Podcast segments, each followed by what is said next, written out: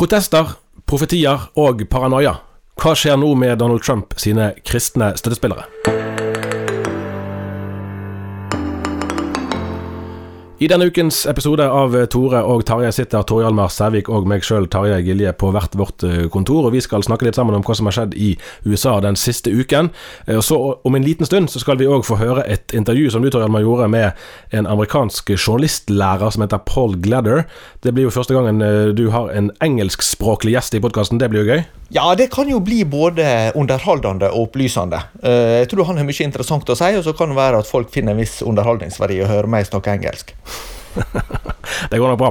Eh, saken er jo den at etter at vi hadde gjort eh, opptaket til eh, forrige ukes episode, så skjedde denne stormingen av den amerikanske kongressbygningen. Det er jo en hendelse som vi nok kommer til å huske ganske lenge, og som kommer til å, og har gjort sterkt inntrykk på mange mennesker. Hva som er årsaken til at disse menneskene var så sinte at de gikk til dette skrittet, det vil jo være sammensatt. Vi har særlig vært interessert i den kristne støtten til eh, Trump, og hvordan den blir påvirket av dette, både i USA, men selvfølgelig ikke minst eh, her i Norge. Tor hva er det du særlig har lagt merke til av dette den siste uken?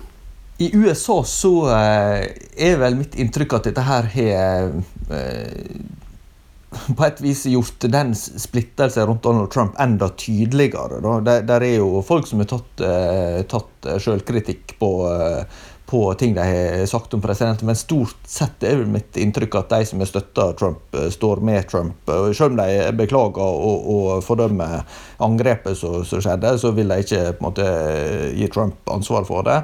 Og så er det andre som har vært kritiske, som blir enda tydeligere i sin kritikk. Eh, og den, eh, den konflikten stikker nok veldig djupt, altså. Syns du det var overraskende?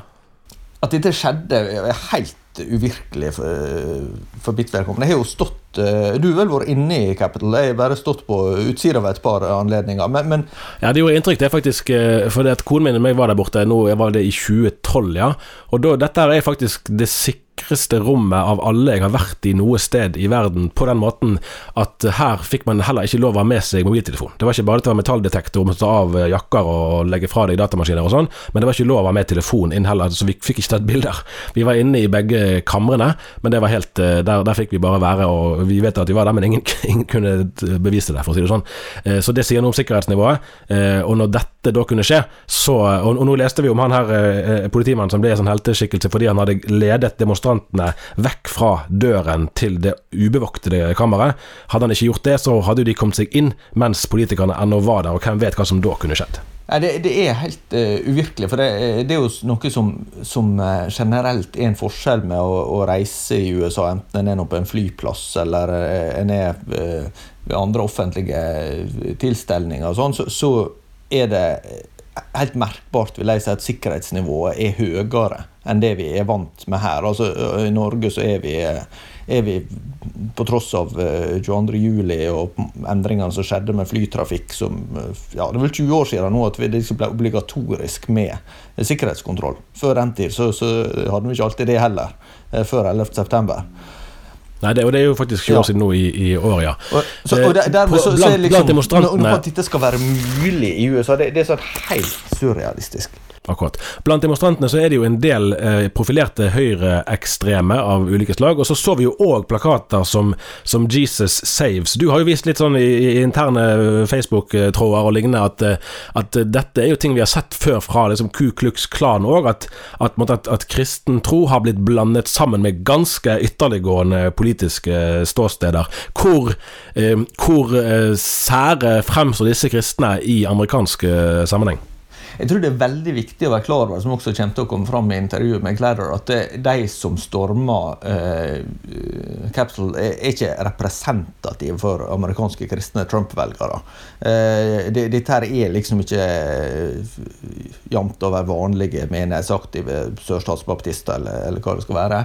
Samtidig så er det jo noe som, som flere også kristne kommentatorer peker på, at det, det er noe veldig tankevekkende i at eh, nasjonalisme og, og uh, kristne symbol, kristne uh, forestillinger blir sausa sammen. Og det, jeg har jo tenkt på denne denne her, Jeg lurer på om det var Anders Lange, altså Fremskrittspartiet sin grunnlegger. Mm. til Det som, altså det het jo i sin tid Anders Langes parti til sterk nedsettelse av skatter, avgifter og offentlige inngrep. Akkurat. Jeg kan lure på hvorfor det navnet ikke ble sto.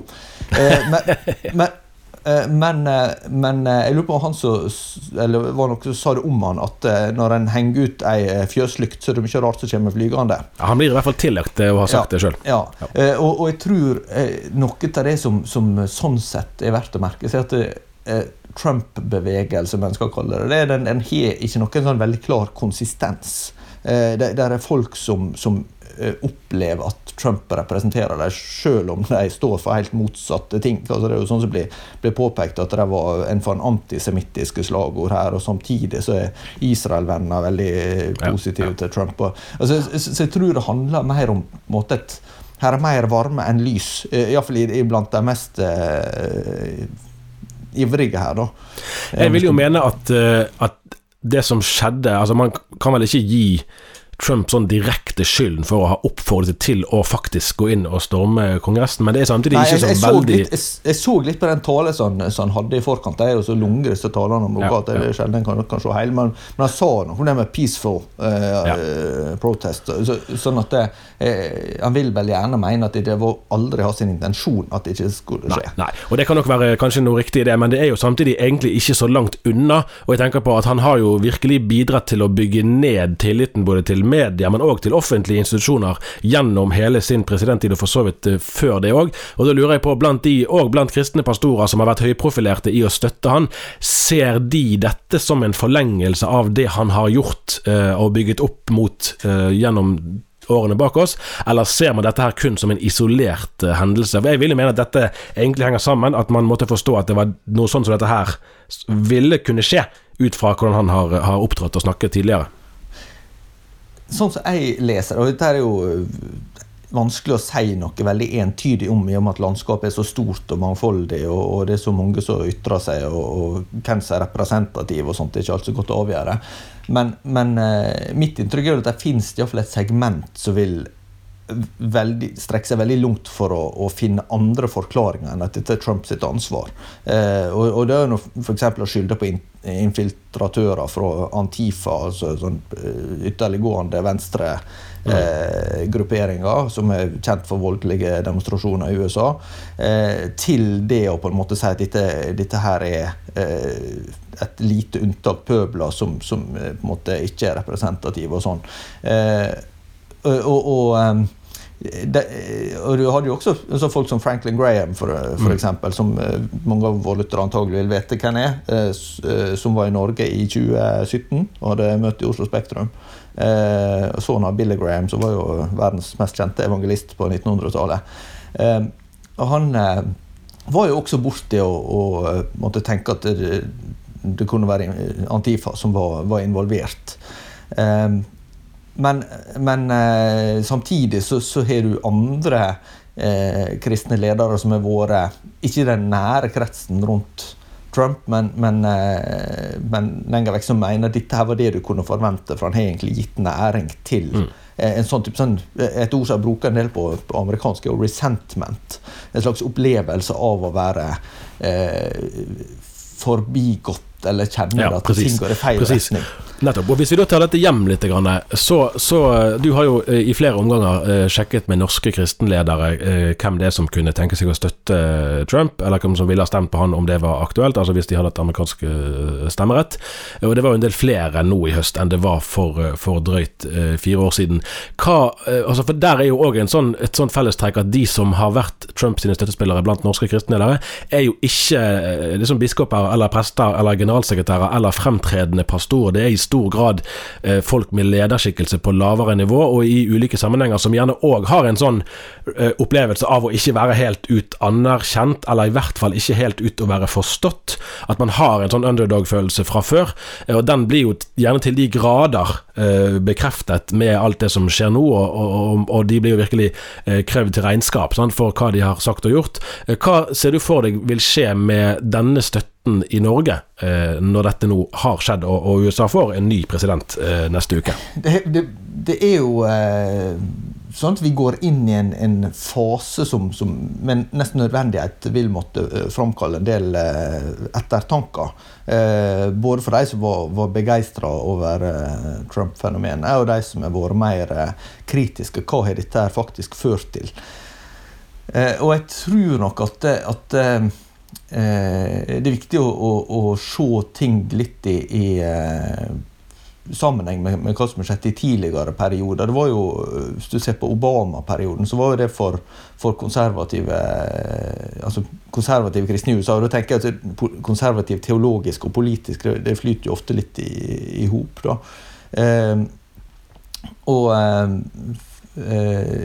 så var eh, Obama-perioden en veldig sånn utfordrende tid, for at du fikk, eh, du fikk mange saker som gikk på spørsmål som vært høyt på agendaen når det gjelder eh, ikke minst eh, abort og, og samliv, seksualitet, kjønnsidentitet og sånn. Og der tror jeg at en nå med, med, et enda mer eh, egentlig liberalisert demokratisk parti og en Joe Biden som, som skal representere det, så, så vil nok temperaturen gå tror jeg, ytterligere opp der. Og, og der er jo og der tror jeg også det er en sånn overføringsverdi. For, for i de mest omstridte sakene så vil jo mange eh, av de som som støtter Trump, eller har forståelse for Trump, naturlig nok kjenne seg igjen i Norge. For dette her er jo utfordringer som, som eh, en ser over hele Vesten, egentlig.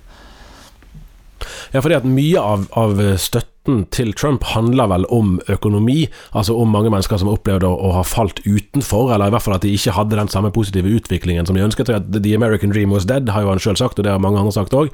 Så det, det, er jo gjerne et hovedspor, men så er det jo òg en sånn verdikonflikt her som handler om det handler om abort, det handler om, om samliv, altså om, om homofili og LHBT-rettigheter eh, og alt dette. Eh, og når nå eh, demokratene ikke bare vant presidentvalget, men òg får flertall både i Representantenes hus og i Senatet, så må man jo regne regne med at det blir et sterkere trykk fra den, altså venstresiden i amerikansk politikk eh, på det saksfeltet. Og den spenningen er jo eh, like ja, Om ikke like sterk i Norge, så er det ikke så mye om å gjøre. Så vi kan jo kanskje risikere å se en lignende dynamikk eh, på dette saksfeltet. da, eh, der som Ja, det politiske landskapet er helt annerledes, og du har helt andre styrkeforhold. For at du, du har jo eh, langt større grupperinger i USA som vil ha konservative standpunkt eh, og, og dermed ha, og ha innflytelse. Det er også eh, mye geografisk betinget. At du en del delstater vil ha helt, eh, helt andre holdninger. altså sånn, Hvis du tar meningsmåling i Norge, så, så, så vil den se, se, ganske annerledes ut enn hvis du går til sørstatene i USA, f.eks. i en del spørsmål. Men men eh, likevel så tror jeg at det for en del altså, Og det er jo noe vi ser i ting som vi skriver om nå i dagen også. Siste uke har vi skrevet om det med Klepp kommune som, som vil eh, kutte kulturstøtte til kristne formål hvis ikke en bekrefter at alle uavhengig av samlivsform osv. kan velges til alle verv. Eh, og, og, det er jo sånn eh, opplevelse av at ting strammer seg til, og at den, at den på en måte ikke bare er en ting å stå for upopulære ting, men en annen ting er faktisk å, å bli, eh, bli nekta pengestøtte eller nekta lån av lokal eller, eller sånne ting, fordi en har de. Sånn, og jeg tror at den eh, Den opplevelse er iallfall eh, en slags eh, en, en, mulig uh, gjenkjennelse, da, hvis jeg skal se på amerikanske forhold, for, for å forstå noe mm. av det som en del amerikanere opplever. Selv om det handler om, om veldig mye mer der borte. Akkurat. Du har, jo, du har, jo, drevet en del med politisk eh, spåmannskunst. Eh, ja, jeg, jeg, jeg bomma jo ganske konsistent, Så jeg er så, sånn sett veldig forutsigbar. Treffsikker. Ja, sånn Eller bomsikker, det er kanskje ordet. altså for nå ja. Bomsikker, ja. For nå er, jo, nå er, jo, spørsmålet på noens lepper eh, Finnes det noen som helst sannsynlighet for at Donald Trump stiller til valg i 2024? Altså Hvis det mot formodning skulle bli eh, sånn at han blir felt i riksrett, så kan han jo ikke det. Eh, så, så, så da, sånn sett, så vidt jeg forstår, så ja, For det skal vel antagelig avgjøres ja. altså Nå er det onsdag ettermiddag, det skal vel avgjøres i kveld, ja, det, det kanskje, da. På det, Nei da, altså, da må han jo ha, ha to tredjedels flertall i Senatet. Og der er det jo 50 ja. republikanere og 50 demokrater, så det, det, kommer nok ikke til å skje. Eh, men mm. men eh, altså, han har vel ikke utelukka det sjøl. Jeg ja, nei, jeg slutter å bli overraska, men jeg, jeg, bør kanskje uh, fortsette min, min spådomsvirksomhet og si at jeg tror han kommer til å stille i 2024. da. ja.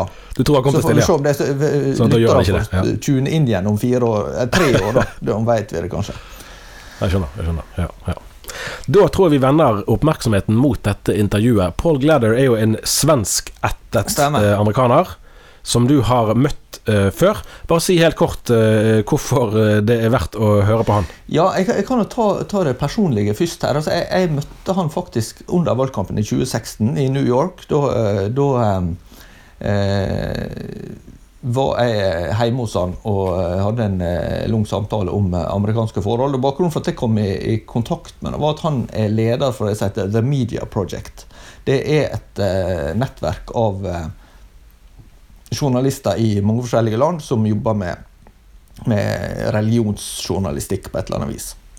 Det er egentlig et uh, det er utgangspunkt, eller hører nå til på Kings College, som er et et eh, kristent eh, college eller en høgskole på, på, Manhattan. Eh, og så har han Gladder ja, før det er viktig å nevne da, at før ble det ledet av en som het Arne Fjelstad. Så dessverre døde norsk år ja. Så var norsk teolog og journalist, jobba i Aftenposten i mange år. Eh, men han døde, og så ble det Paul Gladder som tok over det Media Project. Eh, og så er han også redaktør for en nettavis etter religionunplugged.com. Eh, til slutt så er det greit å nevne at han har vært journalist i Wall Street Journal i ti år. Som er jo på en måte den eh, eh New York Times er jo den eh, mest kjente avisa fra New York. Men Wall Street Journal er jo også ganske kjent, særlig med, med vekt på finans. Men, men mer verdikonservativ da enn New York Times. Og han, eh, han håpet eh, altså Jeg har hørt litt på dette intervjuet. Han håper at de kristne Trump-støttespillerne skal våkne opp og forstå at de har vært med i en vond drøm, nærmest?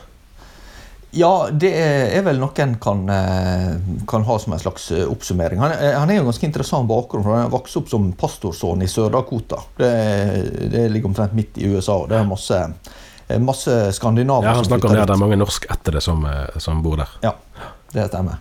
Akkurat. Nei, men da, da, vier vi de neste minuttene av denne ukens episode til å høre det intervjuet. Eh, og så er vi tilbake i neste uke. Da kan det jo være i dag Det blir jo ikke onsdag neste uke at innsettelsen av Joe Biden skjer. Eh, uten publikum, forstår jeg. Så det blir jo i hvert fall Donald Trump En av hans mest kjente løgner var jo når han sa at det var hans inauguration var den mest besøkte noensinne. Det kunne jo alle se på bildene fra Obama sine, det var han slett ikke. Eh, men Joe Biden kommer nok ikke til å kunne konkurrere med noen av de pga. pandemisituasjonen. Men det blir garantert mye annet å snakke om fra amerikansk politikk også ja, etter kanskje, det. Kanskje blir det den minst besøkte noensinne. Ja, det, det, det kommer Trump til å være tilfreds med i tilfelle. Ja, det kan du si. Det kan du si. Da venner vi oss til Paul Gladder, og så høres vi igjen neste uke.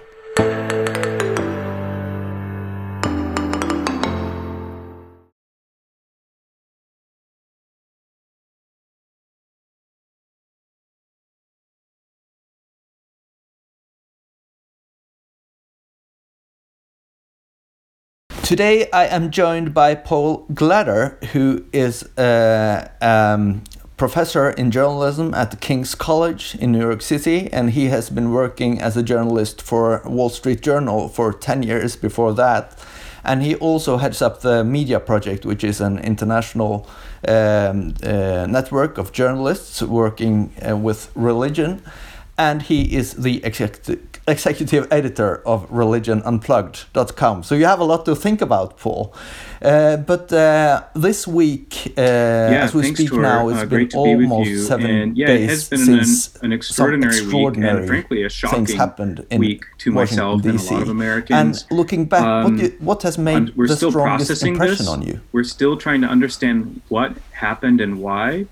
And the things that the biggest impressions to me was one, you know, the sheer audacity of American citizens to stop a congressional proceeding, the sheer audacity of an American president to incite a mob to do that.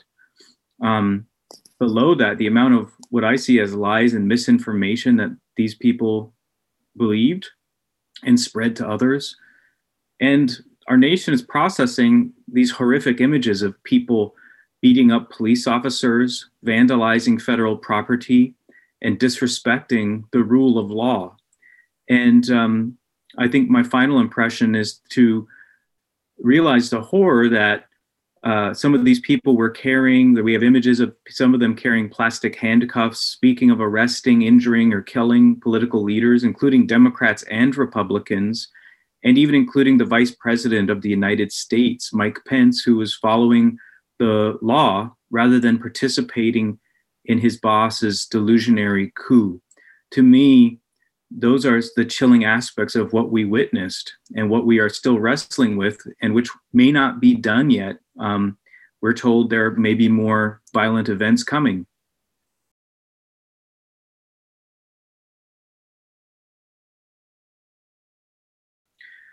Uh, yeah, I've th- thought about it a lot and am reading a lot about it. And, you know, to me, what's the bedrock beneath? It wasn't a singular place? event. Have you, have There's lots of things that led that? into it.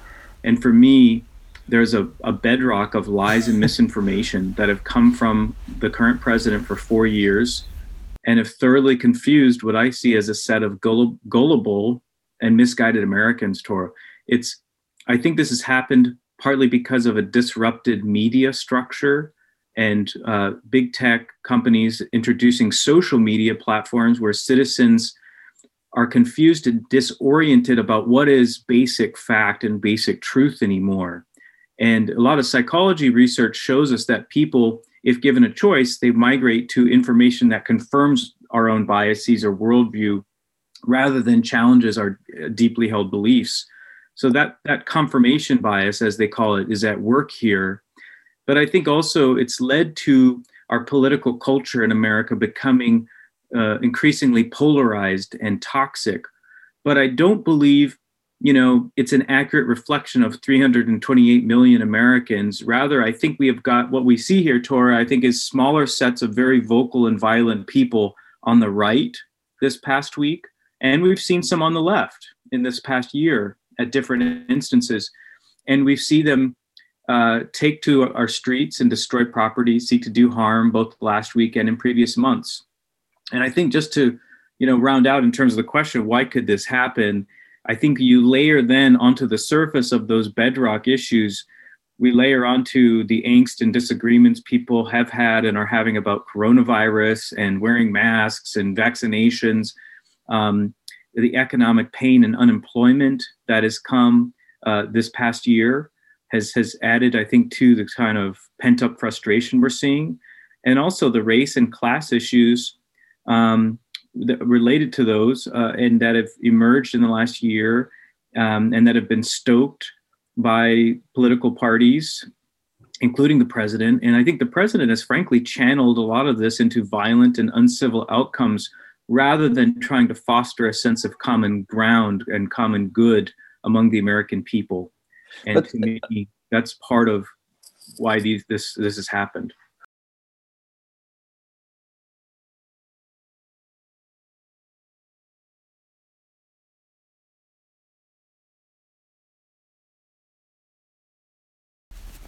Those who defend the president would say, well, this is not really um, uh, his responsibility because it has been the radical left who has been the violent people and and it's really um, a culture which has been developed there and and he said in his speech prior to to uh, to this uh, uh um, this um, uh, event yeah. in I mean, uh, at Capitol that it should be peaceful and so on. And they would say, uh, well, he, he never uh, incited but, violence, you know, but in his, still you think he, he is responsible. Said, Could you explain to, why? He invited people come to uh, come to the Capitol on on January sixth. It's going to be wild, you know. And there, uh, he and Giuliani and others. Rudy Giuliani is the former mayor of New York, who is one of Trump's lawyers. used you know, use language like fight, um, use language like, um, let me let me look up what the exact quote from Rudy Giuliani. Trial by combat was the the quote that Rudy Giuliani used, and look, these people. Uh, I read a great profile in the New York, uh, the Wall Street Journal in yesterday's newspaper about a man who, you know, there are people there who really believe and they believe they're president and they are suffering. They're in between work, this, this guy that they profiled on the front page. and he really believed it was his duty as an American to go and, and be there for his president at this event. And he said things got out of hand. So, you know, rhetoric, our words matter. And when you are saying things like, let's have trial by combat, or you're suggesting, you know, look at Trump's, okay, go back to his early campaign when he was saying to, about Hillary, lock her up, and leading chants, lock her up. And uh, calling journalists, uh, you know, putting journalists in pens and directing his crowd to uh, uh, to have animosity toward journalists, toward animosity towards political opponents. I think from the very beginning in the last four years, this person has animated, um, ha- you know, hatred toward the other, toward anybody who disagrees with you, and and violence, and that has really boiled up the sentiment among the more radical fringes in America. And I do think, um, you know, you made a point. I, I do think some on the left, including Antifa, have done the same thing from the from the left and have been violent. And you know, but we, it's been it's been from it's been from both sides that have. And, and, but I think Trump has really animated this. I mean, this Antifa rallies uh, uh, and, and, and street warfare has uh, really taken place during his four years in office. So he bears responsibility, I think, for this culture. Um, but you know, at the same time, people from different parts of the ideological spectrum have also participated. This last week, we just saw, uh, you know, the manifestation on the on the right and his, um, you know, his followers more than anything. Um, what do you think will be the consequences of this in, in, in a longer uh, perspective? Um, well, we could talk consequences on political culture, also from a religion perspective. Um, and maybe I'll tackle, you know, from the religion perspective, I think mm. we are seeing more secularization, um, people falling away from faith as a general trend in America, particularly among our younger generations uh, according to Pew Research, and I, and I think unfortunately that will continue, if not accelerate, um, because people look at this kind of behavior and I think they see that that's not the kind of and, and you see people holding signs and you know, expressing their Christianity uh, during this event. And I, I think some people, especially young people, look at that and say that's not what I want to be part of. But but if you compare to to you grew up as a, as a pastor's kid, uh, in South Dakota. And for those who don't have the the map of the United States uh, on their in their brain. It's it's around the middle of the country. Is that correct to say? Up no, a bit up north. Yep, uh, up west, which is a lot of good Norwegians and Scandinavian, uh, Scandinavian Americans there. Yeah, exactly. You have have a Swedish name. I should I should mention that. But uh, what changes do you see in church culture and Christian culture from uh, your childhood and up until now um, among conservative Christians when it comes to this? Uh, yeah, it's a great question, and I, I mean, I see, I think, um, I saw this kind of behavior or, viewpoint uh, back in the 80s and 90s growing up. I could see, so this is all aligned with what I saw back then. It just, it isn't the level of violence or believing of outright lies that I saw back then in my viewpoint. And I, what I think is going to happen is those who identify, those of us who identify as Christian in America, I think we're going to see more division and segmenting. And, you know, the majority of charismatics and evangelicals seem to be staying solidly in the fold of the Republican Party. Um, uh, I hope that we see large groups of Christians wake up from this horrible dream and realize that we've been, mis- you know, they've been misled and that maybe there will be some repentance. And frankly, I'm noticing even in the daily coverage I'm reading in the Wall Street Journal, the New York Times, they they quoted the last couple days people from the crowd, you know, uh, including some who are Christians who expressed remorse or re- a bit of regret, but often they're still believing some of the lies of they think Nancy Pelosi, their political opponents, are drinking children's blood, just ludicrous things. Some of them. So uh, my hope is that you see some kind of enlightenment or eye opening. But my worry is that is that I my biggest worry is that people will continue to be suckered into political lies that reinforce cultural or spiritual worldviews that we and if we if that happens i think what we end up with is more heretical religious movements or cults where people are not rooted in objective facts or pursuing critical thought in their Christian lives the way they're not doing that, I think, in their political lives. And um, so I, I, I sort of envision, and what we seem to see happening right now is both for, I'd say, the bigger, you know, Catholic uh, Christian communities and Protestant Christians in America, we're increasingly split into two camps. And I think one camp sees the Republican Party as part of the church and furthering the gospel of Christ. And then the other camp, I mean, maybe some of this other camp are Democrat, but I think it's also people who just think more critically about politics and that we don't fuse our faith with American politics or political parties. And it's like these are two divisions within American religion right now. It seems like, and I'm not, I, am not sure on the exact data. Maybe we'll get our data journalist at Religion Unplugged to explore more those kinds of groups. But um, I just sense that's kind of what seems to be uh, emerging right now in religion. Um, we met the first time in New York uh, or up in Long Island where you were living uh, at that time in 2016 uh, during the ongoing uh, presidential campaign. Um, and many were caught by surprise that Christians should embrace Donald Trump uh, for a, host of reasons, but uh, especially as he didn't come across as a as a devout Christian and, and had a lifestyle and a history which, in in many ways, uh, is contrary to, to to what are Christian ideals. Um, how do you analyze his? his um, appeal to so many Christians in the United States. Well, yeah, and I can't remember everything I said back when we met in 2016, but I, I think my views haven't changed uh, so much in that. I mean, maybe I was surprised how many voted for him, right? I, he got about 80% of the so called evangelical vote. And, you know, he knew he needed a political base, and his consultants quickly told him that evangelical Christians in America are a solid base. And so he pursued that base and he won the majority of them over in 2016 and again in 2020. I think fewer, slightly fewer in 2020, but he still won the majority of evangelical, those who identify as evangelical Christians.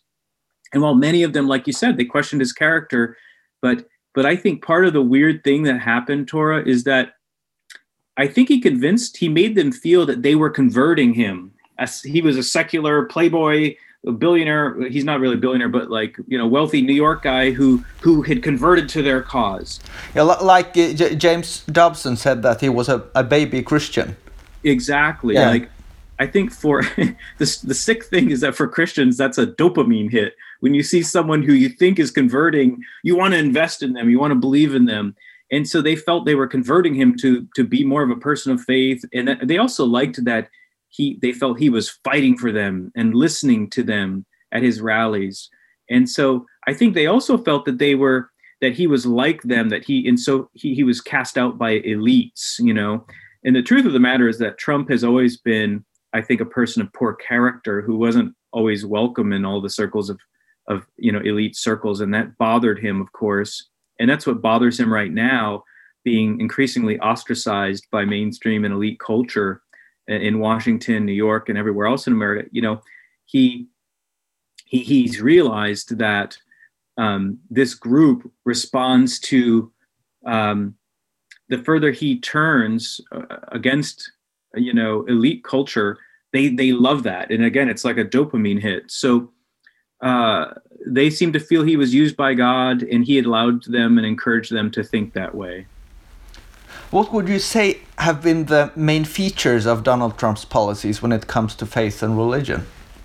Yeah. Um, and, you know, one thing I, I think it's good to be clear on is that it's possible to be a never Trumper, which is what I am. I, ne- I never voted for him and I never will. And because of all the things we're talking about and what we've seen in the last week, in the last four years. But it's possible to do that and also, you know, say not everything he has said or done policy wise is terrible. And so, like if we talk about his policies on faith and religion, there's some I probably I like and some I don't like, but he's been a big advocate for uh, religious freedom and uh, th- through the State Department making that a high priority concern for religion, uh, religious minorities in the U.S. and around the world. Now, sometimes that has been used as a cudgel to you know enforce a more moral agenda and using that as religious freedom as a as a argument to do that. But at other times and, and look i think the trump administration he's you know he hasn't demonstrated a great amount of respect for other faiths and religions but i do think some of the people involved in the religious freedom efforts at the state department do care about you know safety for muslim minorities and in america and abroad et cetera. So i think there's been some some decent policy there. And i do hope the biden administration does continue a focus on you know religious freedom. Uh, you know a lot of a lot of religious people point to uh, trump's nominees to the supreme court. He's you know he's essentially flipped the supreme court to being more conservative. And i think seven of the nine justices identify as catholic now. And that's interesting. Um, i'm not saying i support every one of those nominees necessarily but uh, he, you know, he's had an impact there. Um, and then I think on the more contentious issues, on two po- things I would point out, you know, he has been in his rhetoric and he's been anti-Muslim, anti-immigration. Very, you know, specifically point out we don't want Muslim immigrants. Um, a Muslim ban he put in place at one, at one point there, and then also on social issues, he's been you know, he used to be pro-choice before he got involved in politics, and then one of his elements of conversion was to become pro-life as a politician. And so I think, uh, you know, religious voters who who make that their hot button or top issue, they love that about him. And also, um, he's used both a he's used. Um, uh, I think he's been fairly anti-LBGTQ, which is a hot button issue in America as well now. You know, so he tends to be traditional. He's aligned with traditional family values, one could say, uh, which align with relig- traditional religious values typically. So I think those are some of the features of what he's uh, he's focused on, and and that I think it all helps explain why a lot of religious and Christian voters in America have supported him. They felt the other parties or candidates maybe didn't uh, were not strong enough on those issues. Was it also important that he chose to to move the American embassy in in Israel from Tel Aviv to Jerusalem? Oh yeah, I think that was another good point. I you know I think uh, yeah that animated um, certain sets of Christian voters, and also I think the more conservative Jewish voters in America. Many, you know, some of whom from both those communities. are some donors in the, in those bases. Um, he's been a, a, strong advocate for Israel, and you know, we could talk about foreign policy. I mean, he's done some interesting things in his relationship, try his attempts at relationship with North Korea, his uh, kind of opening the door a little bit for some peace or trade relations between Israel and UAE, and you know, um, not everything is. I mean, you could argue it both ways whether it's been awful or not, but um, he's been certainly an advocate and defender of Israel for sure. One of the things I've found a bit puzzling is that he has built um, um, a circle of evangelical uh, friends or, or advisors, or, or, what we should call them. He also have had this uh, evangelical advisory board uh, headed up by by Paula White, who is a prosperity preacher based in Florida. Uh, and when I look at these people, I I, I uh, have a sense that they don't share very much theologically. a lot of them are, uh, or some of them are very charismatic and, and so on, and other are uh, very non-charismatic Southern Baptists, uh, and still they seem to to find a community around Donald Trump. Do you have any reflections on that?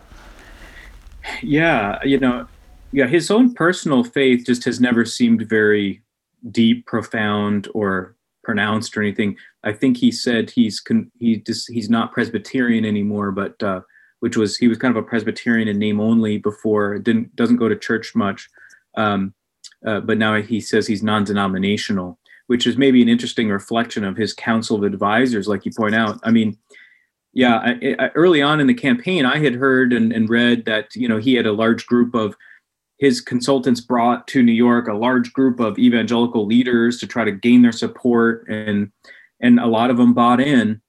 And it seems like, um, you know, like you said, Paula White is a charismatic. If you, I encourage you to Google some of her videos, and you'll see some rather bizarre, you know, spiritual behavior there. About angels coming from Africa to to change the election and so on. Exactly yeah. right. So you know, she's an interesting person. Now, um, some of the other figures, you know, Mike Pence has some bona fide respect among Midwest religious conservatives. Both sort of he considers himself an evangelical Catholic, but he was a person who, by selecting him as vice president, anchored that uh, the sort of religious evangelical Midwest base.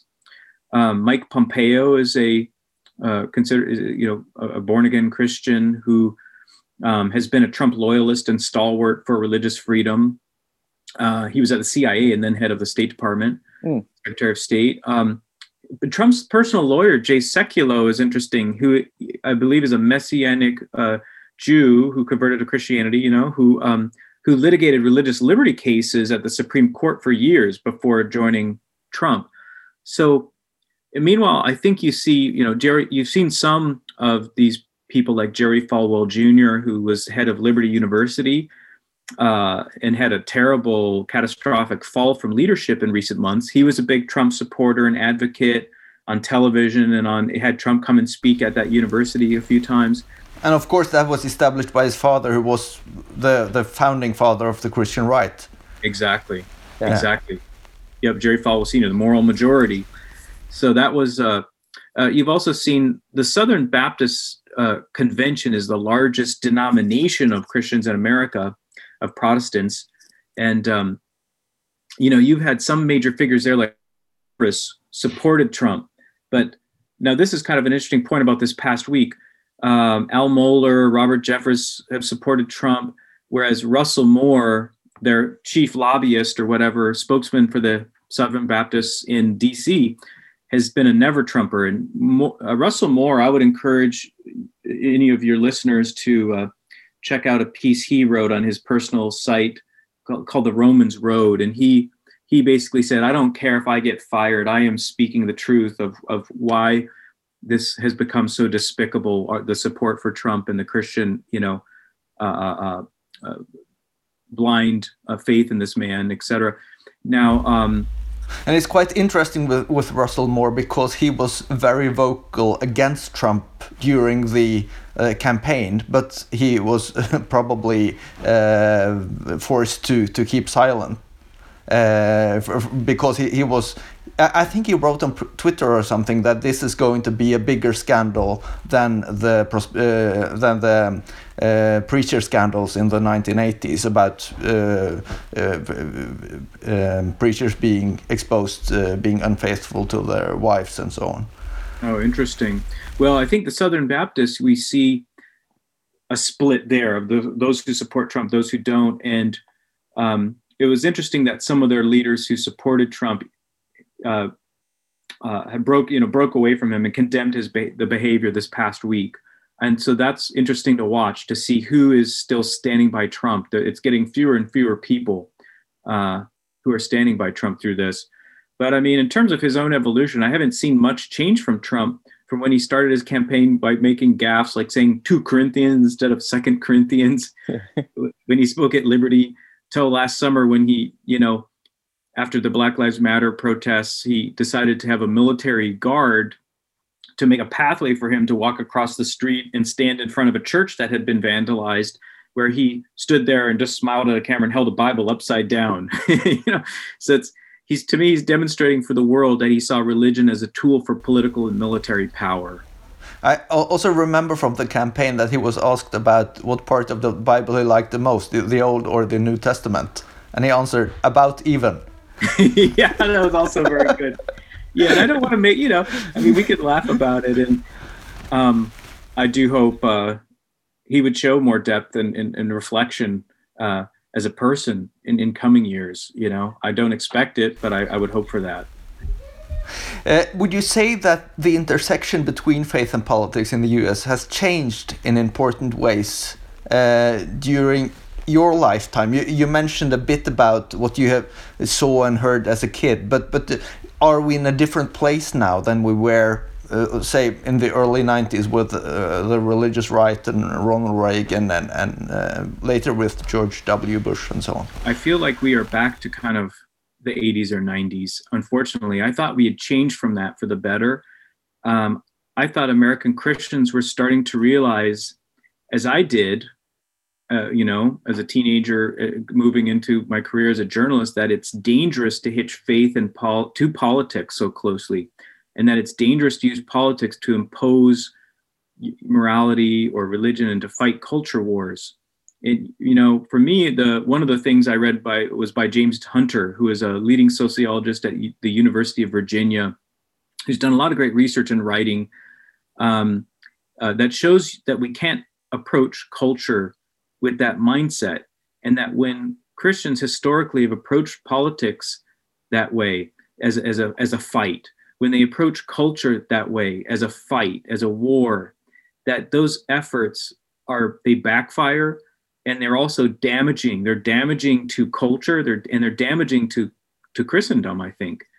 And so you know james hunter proposes in the in his book to change the world in 2010 which is an excellent book um, which gives a history of involvement in culture and how culture works he suggests that christians uh, pursue a path of what he calls faithful presence and that um, whatever part of economy or culture that you are called to you know this theory says it's you know it's fine and good to be involved in politics but it's how you do it. It's how you approach it.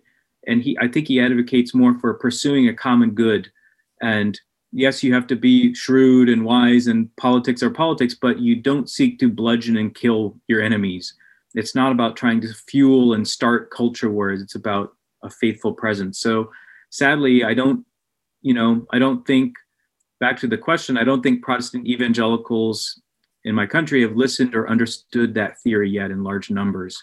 And I worry that we're going to see culture wars, wars growing worse, and that we might see. Um, look, we have more guns sold in America this past year than at any recorded time.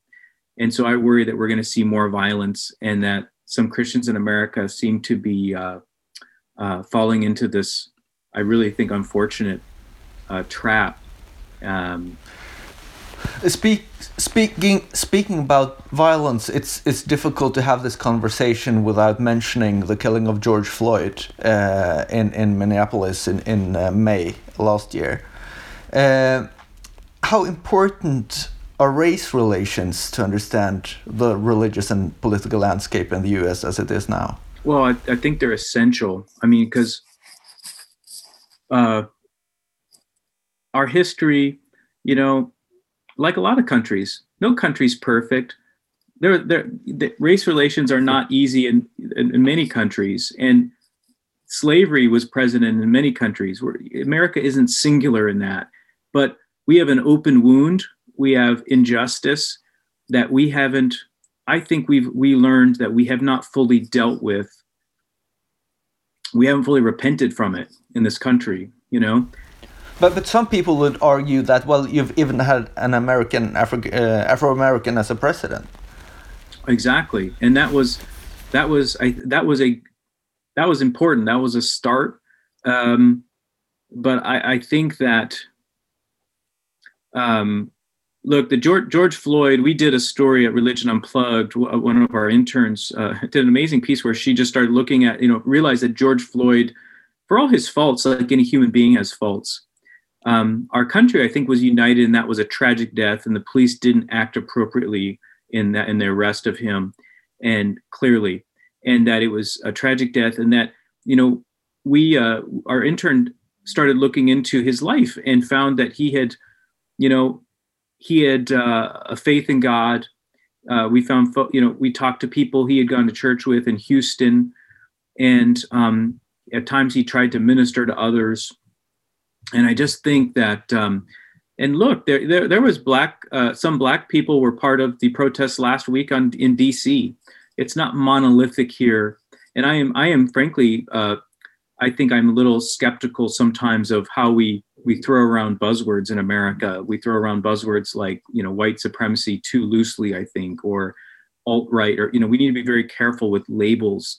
Um, and if anything, you know, a lot of black men in certain parts of the country, more black men voted for Trump in 2020 than in 2016.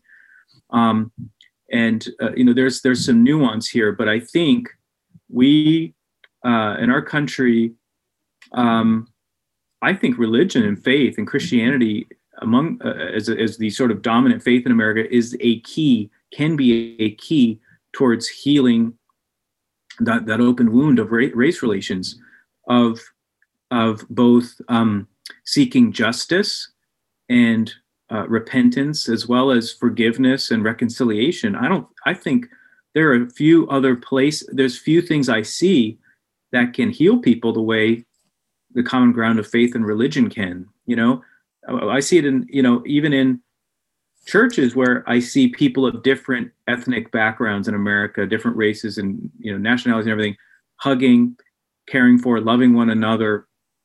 Um, I see less of it in politics. I see less of it in uh, um, uh, even in you know schools or, or, wherever here. It's hard to get over these big hurdles in our society.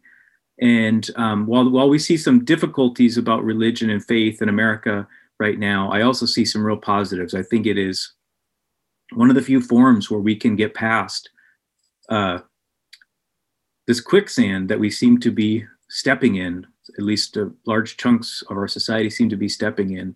I think it's the only hope, really, one of the only hopes we have. Based on numbers from Pew Research Center and others, it seems like race is more important to explain political attitudes among Americans than faith. Uh, white evangelicals are mostly Republicans, and, as you mentioned, and black evangelicals are mostly Democrats. Uh, how do you understand this?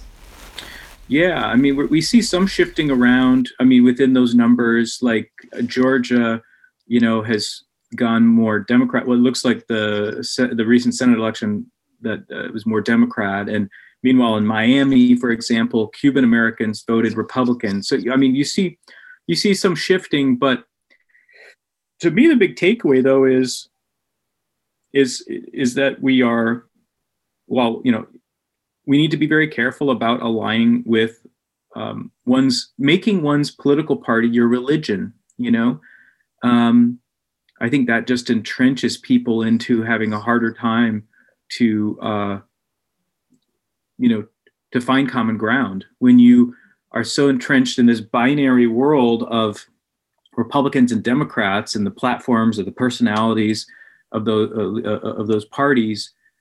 It's um, it's easy to elevate those parties as quasi religious and to see, you know, to see someone not in your party as the other and to to be uncivil, to be unkind, to be um, to not care for that person, to not see that other person as made in the image of God. And I think to me that's the big disconnect here. And um, you know, I don't know how we um, I don't know how we get back.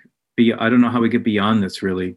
Um, I think we need leadership. I think we need in, in media. I think we need better quality information. We need regulation of technology companies that will lead to better quality of information for our citizens. Is is part of the answer. I think we may need reform. Um, I'm very happy to be a registered independent. I wish we had more political parties so that we didn't have this binary affiliation issue.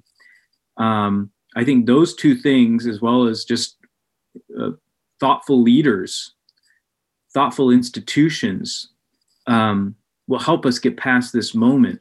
And another, back to James Hunter, another piece of research he did recently in 2020, um, he and his team surveyed like thousands and thousands of Americans. And the big takeaways they found Americans in 2016 and then even more so in 2020 have lost faith in institutions.